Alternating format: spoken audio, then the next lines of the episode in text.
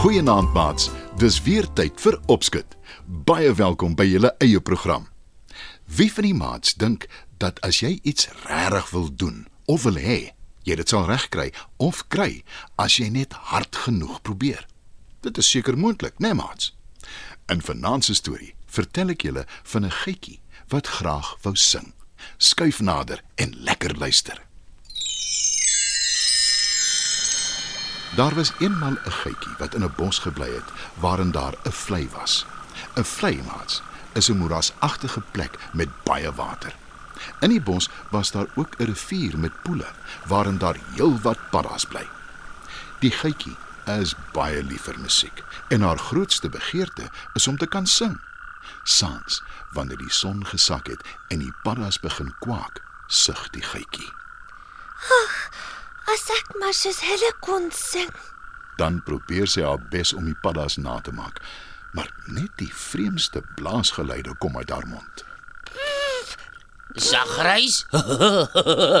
Hoor jy dit? Roep een van die paddas na sy maat en lag lekker. ek hoor ja. Die arme simpel geitjie. Sy probeer so waar soos ons paddas klink. Hoe dom is dit? Geitjies kan nie kwak nie. Antwoord sy grys. Die geitjie hoor dit, maar sy sê niks nie.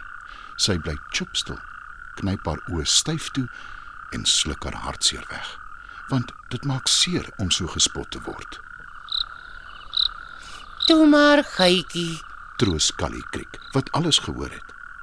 Geitjie kyk hartseer na die kriek en sê: Ek wens een van die paddas wil my ook leer sing soos hulle. Ek wil nie lelik wees, geitjie, maar jy is nie 'n padda nie. Dis onmoontlik vir jou om soos een te probeer klink. Antwoord die kyk.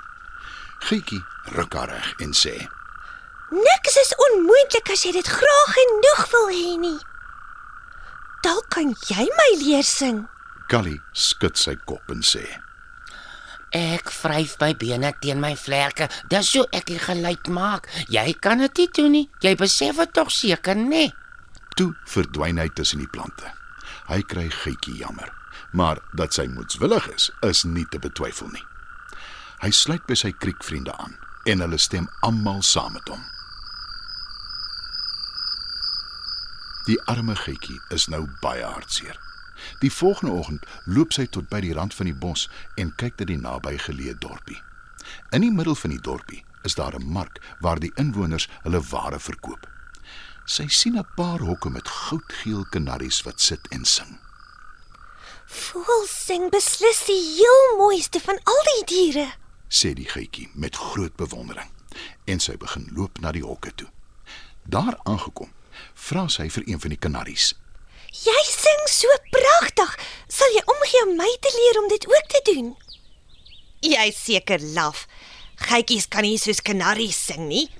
En hulle kan ook nie geleer word om dit te doen nie. Een van die kanaries hoor dit en hy dink dadelik aan 'n plan. Ek sal jou leer sing as jy die hok se deur oopmaak. Voels hoort in die lug waar hulle vry is en kan vlieg, nie in hokke nie. Die geitjie stem in maar net toe sy die hok se deur wil oopmaak, keer iemand haar. Dis 'n man met 'n trekklavier. Eh, moenie dit doen nie, geitjie. Jy sal in groot moeilikheid kom by die eienaar en ek is seker jy wil dit nie hê nie. Nee, natuurlik nie. Antwoord die geitjie. Bangbroek, roep die kanarie. Die geitjie kyk na die man en sy trekklavier. Dis 'n musiekinstrument, né? Vra sy. Die man knik en verduidelik dat dit 'n trekklavier is. Toe speel hy 'n paar note daarop. Dit moet wonderlik wees om musiek te kan maak.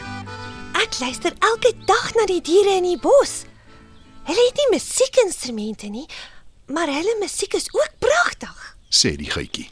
Ek het nog baie ander musiekinstrumente by die huis. As jy wil, kan jy saam met my kom dan luister jy hoe ek musiek maak. Antwoord die man. Die opgewonde Gietjie volg die musikant huis toe.